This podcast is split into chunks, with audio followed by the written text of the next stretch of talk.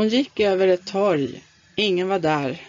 Ingen hade packat upp sina lådor för att börja sälja frukt och grönsaker.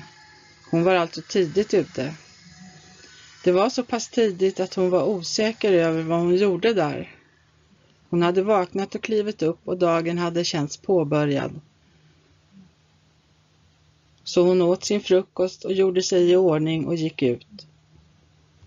När hon upptäckte att ingen annan var där, det var tomt på gatorna och ingen syntes i fönstren i husen, ingen bil kom farande, inte ens en buss, insåg hon att hon måste vara ute på den timme då ingenting fanns.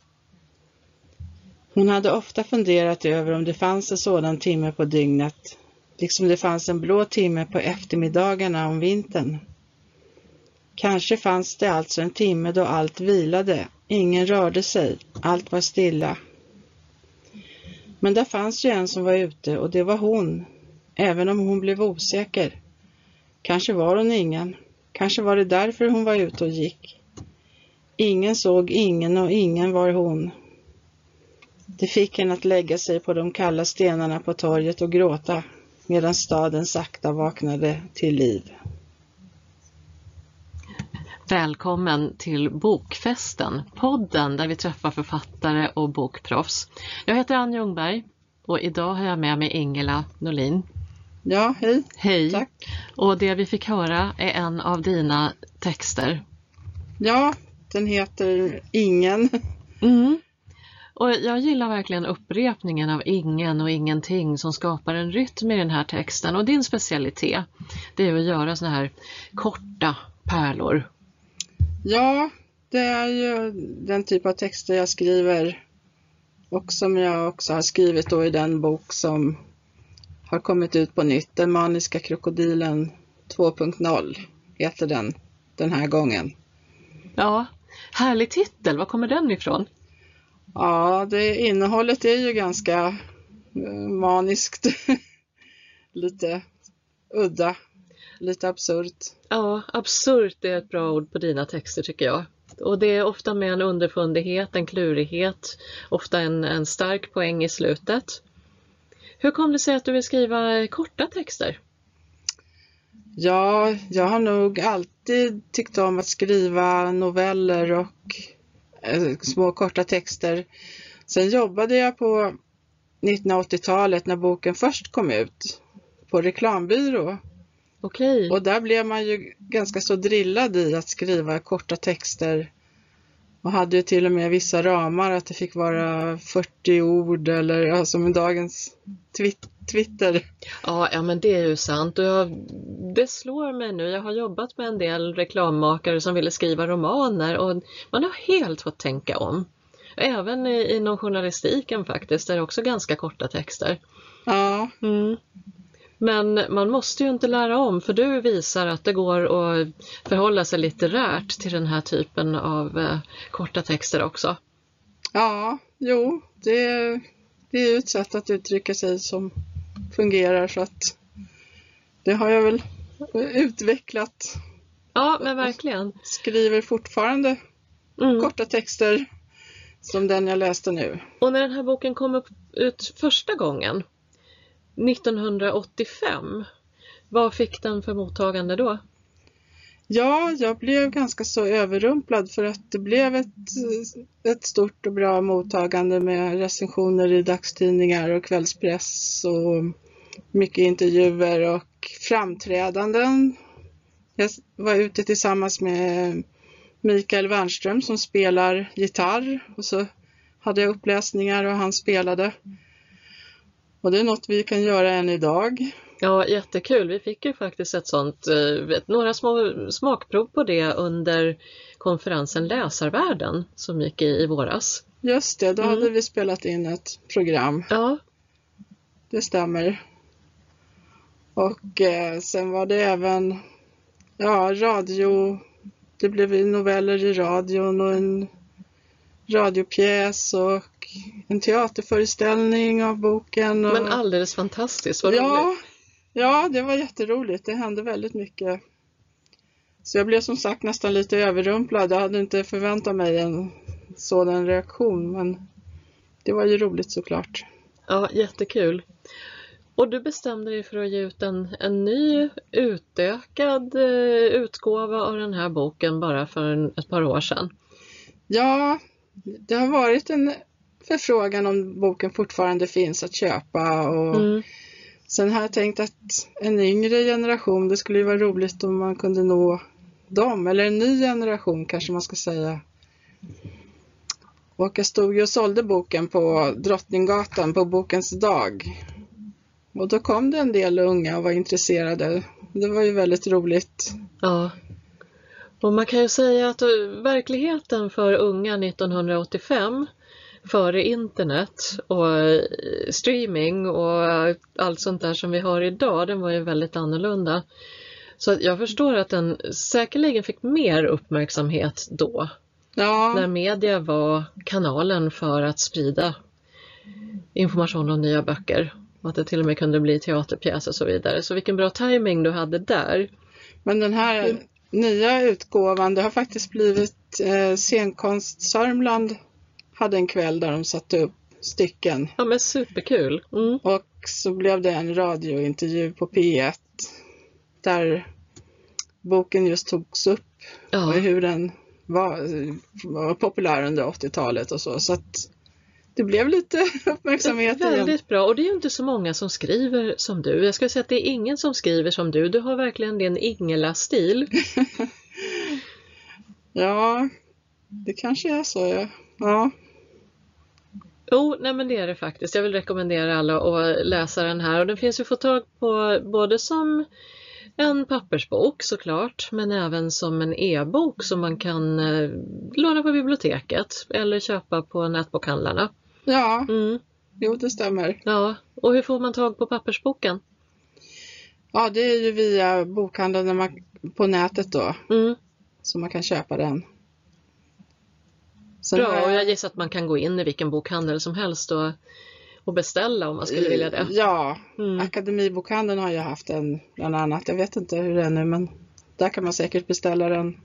Ja, har den bara ett eh, ISBN-nummer så brukar inte det vara några större problem. Nej, Mm.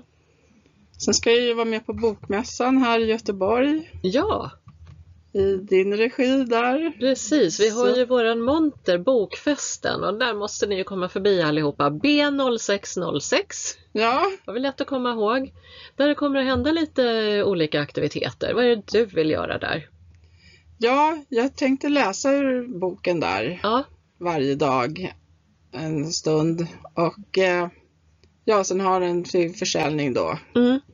Så att är ni intresserade är det bara att komma förbi. Jättebra. Vi kommer såklart att sätta upp ett schema för våra monteraktiviteter och sätta upp det på Bokfestens hemsida så att ni kan hitta allting som händer där. Ja, Mm. det blir säkert intressant och det är flera författare som deltar där i montern. Ja, vi är ju ett gäng som har jobbat tillsammans under det här senaste dryga halvåret med att hitta gemensamma marknadsföringsaktiviteter med mera som lite grann kulminerar i Bokmässan.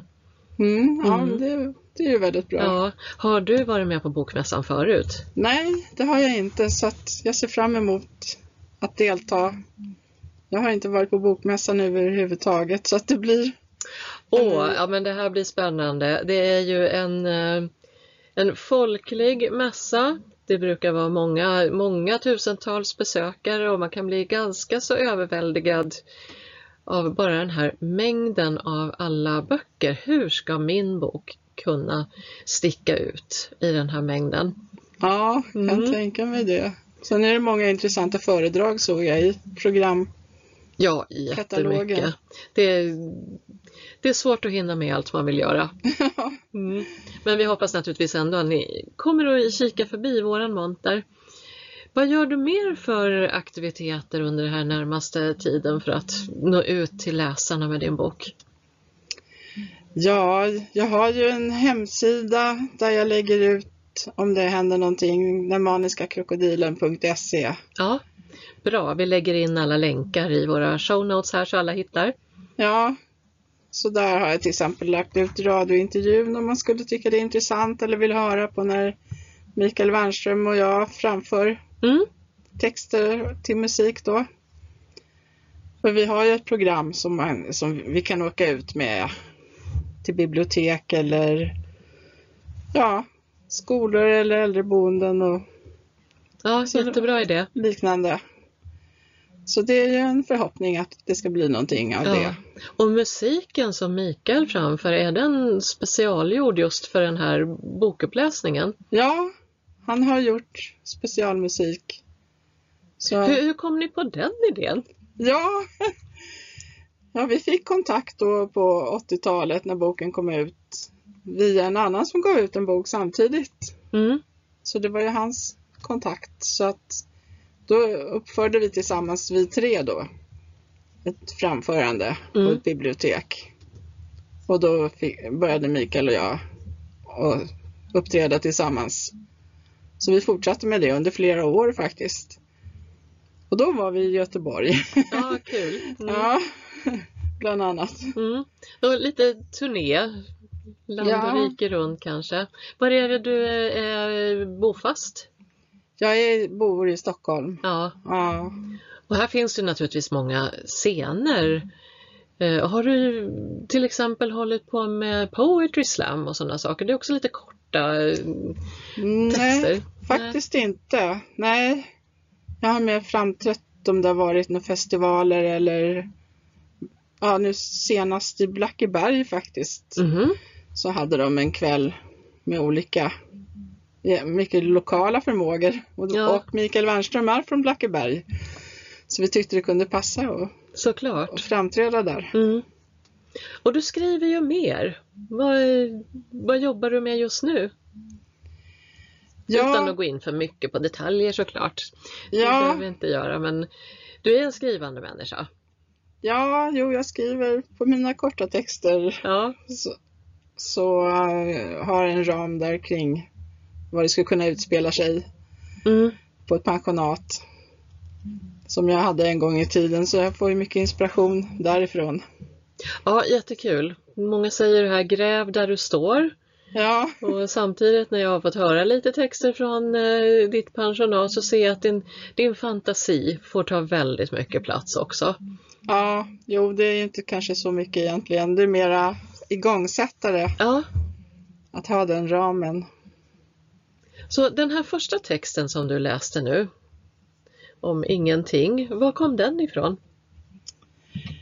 Ja, jag är lite fascinerad över det här att in, ingentinget. Jaha, Jag skulle nog kunna skriva flera texter kring det. Det är alltid någonting man associerar till men mm. ingenting och tomrum tycker jag är spännande. det är spännande och det är så roligt att du vänder upp och ner på de här mest förväntade begreppen och gör någonting helt annat av det. ja. Det kan vi gärna se i dina korta texter. Har du lust att läsa en till? ja, jag kan läsa en om rött hår. Hon sitter i receptionen. Hon har suttit där i 3451 dagar. Varje dag har 20 personer kommit fram till henne, presenterat sig, berättat sitt ärende, fyllt i ett papper. 69 020 personer har hon hittills mött.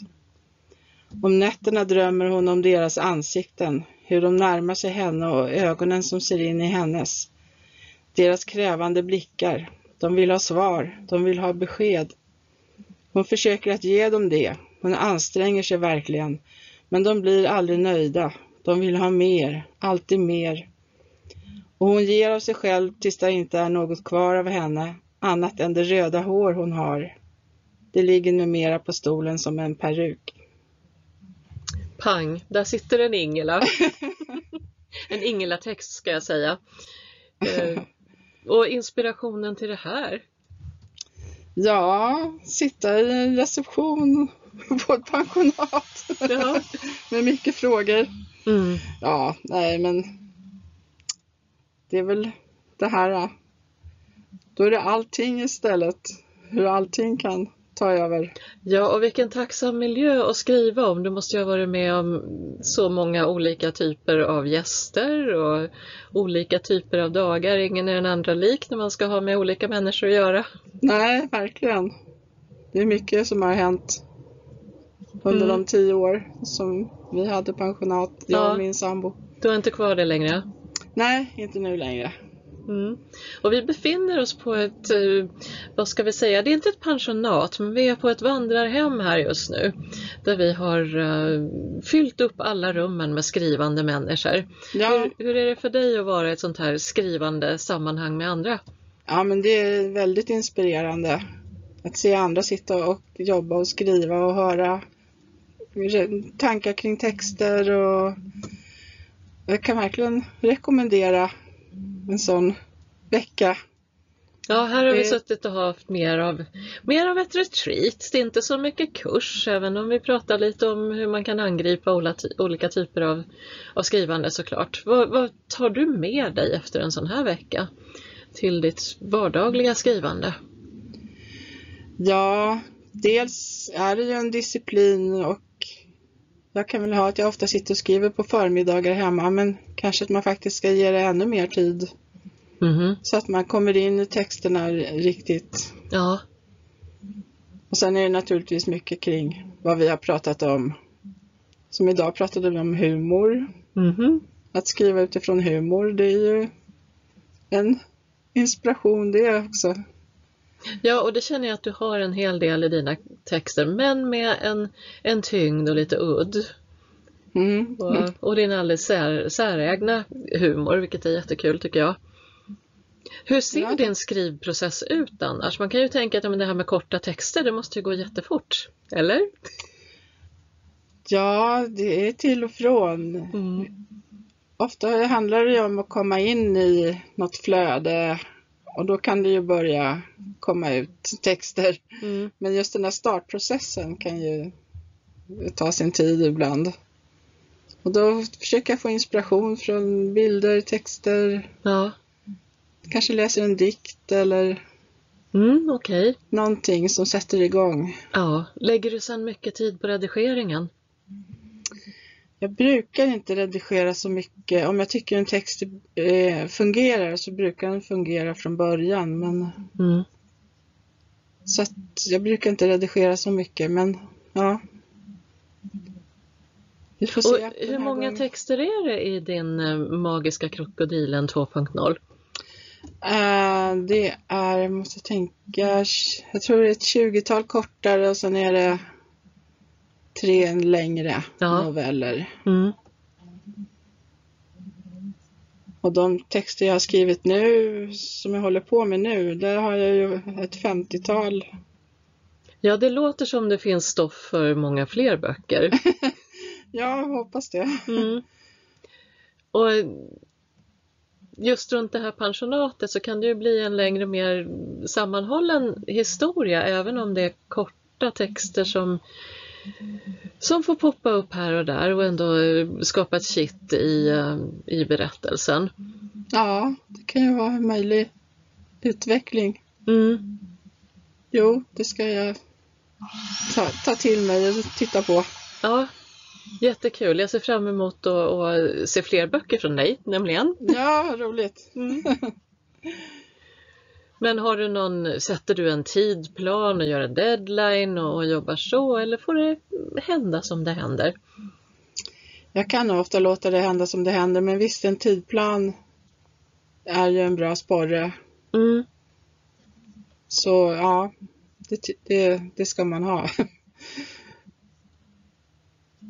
Precis. Och med den nya boken nu, den, eller den nygamla kan vi säga, 2.0, hur har du framförallt hittat läsarna till den boken? Ja, det är ju... Ja, dels skapade jag ju en hemsida och sen har jag lagt ut på Facebook. Mm. Och jag har ett Instagramkonto men jag är mer aktiv på Facebook. Så där har jag lagt ut när det händer någonting. Mm. Sen är det ju ja, via förlaget. Det har varit en del annonsering och ja, på de här sidorna, internetbokhandlarna, Ja, har det varit en del annonsering. Ja, det finns många saker att göra med sin marknadsföring men det är också väldigt mycket brus där ute. Och det Ja. kanske inte bara är andra böcker böcker som är konkurrensen utan att folk tittar på Netflix och eh, läser, lyssnar på eh, poddar och ja, Ja. allt möjligt. Vilka tror du är dina idealiska läsare? Vad är deras huvudintressen? Ja, man ska väl ha lite, gilla abs, lite absurda, lite Mm. surrealistiska texter och något drag åt lite svärta och lite humor. Om man har den läggningen så tror jag att man kan ha behållning av texterna. Ja men kul, det låter som du pratar om mig. Och det kan vara både, jag menar, den yngsta läsaren, första boken kom ut, det var en sjuåring som skrev ett brev till mig. Nej, Jag tyckte den var, att den var så rolig. Och sen, ja, upp i åldrarna då. Mm. Så att eh, det skulle som sagt vara kul om en yngre generation skulle hitta boken. Men som du säger, det är ju mycket annat brus. Ja, samtidigt så är det ju lätt att ta till sig korta texter. Du behöver inte läsa hela boken på en gång. Kan ta en, en liten eh, bit i taget. Ja, Kanske prata med några skolor om att ha, eh, ha den med i eh, läslektioner. Mm, läsa en liten bit av. Varje person i klassen får välja en text och så diskuterar man den till exempel. ja. Mm. Jo, jag skulle gärna åka ut till skolor och prata om hur man kan skriva den Ja. här typen av texter. Och kanske låta eleverna få skriva. Det låter jättekul och som sagt det borde ju tilltala en yngre generation att se att man måste inte ta i ända från tårna för att det ska bli någonting. Nej, Börja med ett frö i hjärnan och låt pennan flöda liksom. Ja, jag är med i Författarcentrum Öst och där har de ju lagt ut information till skolor. Ja, Så vi får se om någon hör av sig där. Eller om jag ska vara mer aktiv och kontakta själv. ja det vore ju himla skönt att bara luta sig tillbaka. ja. Och att alla läsarna bara kommer. Men vi vet ju det att som författare så behöver man ibland ut och synas. Men du verkar ju verkligen inte vara rädd för det. Senvana med tanke på hur boken har mottagits tidigare. Så Mm. ja, alla som lyssnar nu, vill ni ha en författare som också är lite av en estradör, kontakta Ingela.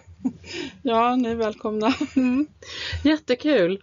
Och ja, jag vill bara önska er lycka till med kommande texter och så tycker jag att det ska bli så kul att få hänga med dig i våran monter på Bokmässan. Ja, det ser jag fram emot. Ja, tack Ingela för att Tack. du ville vara med. Tack så mycket.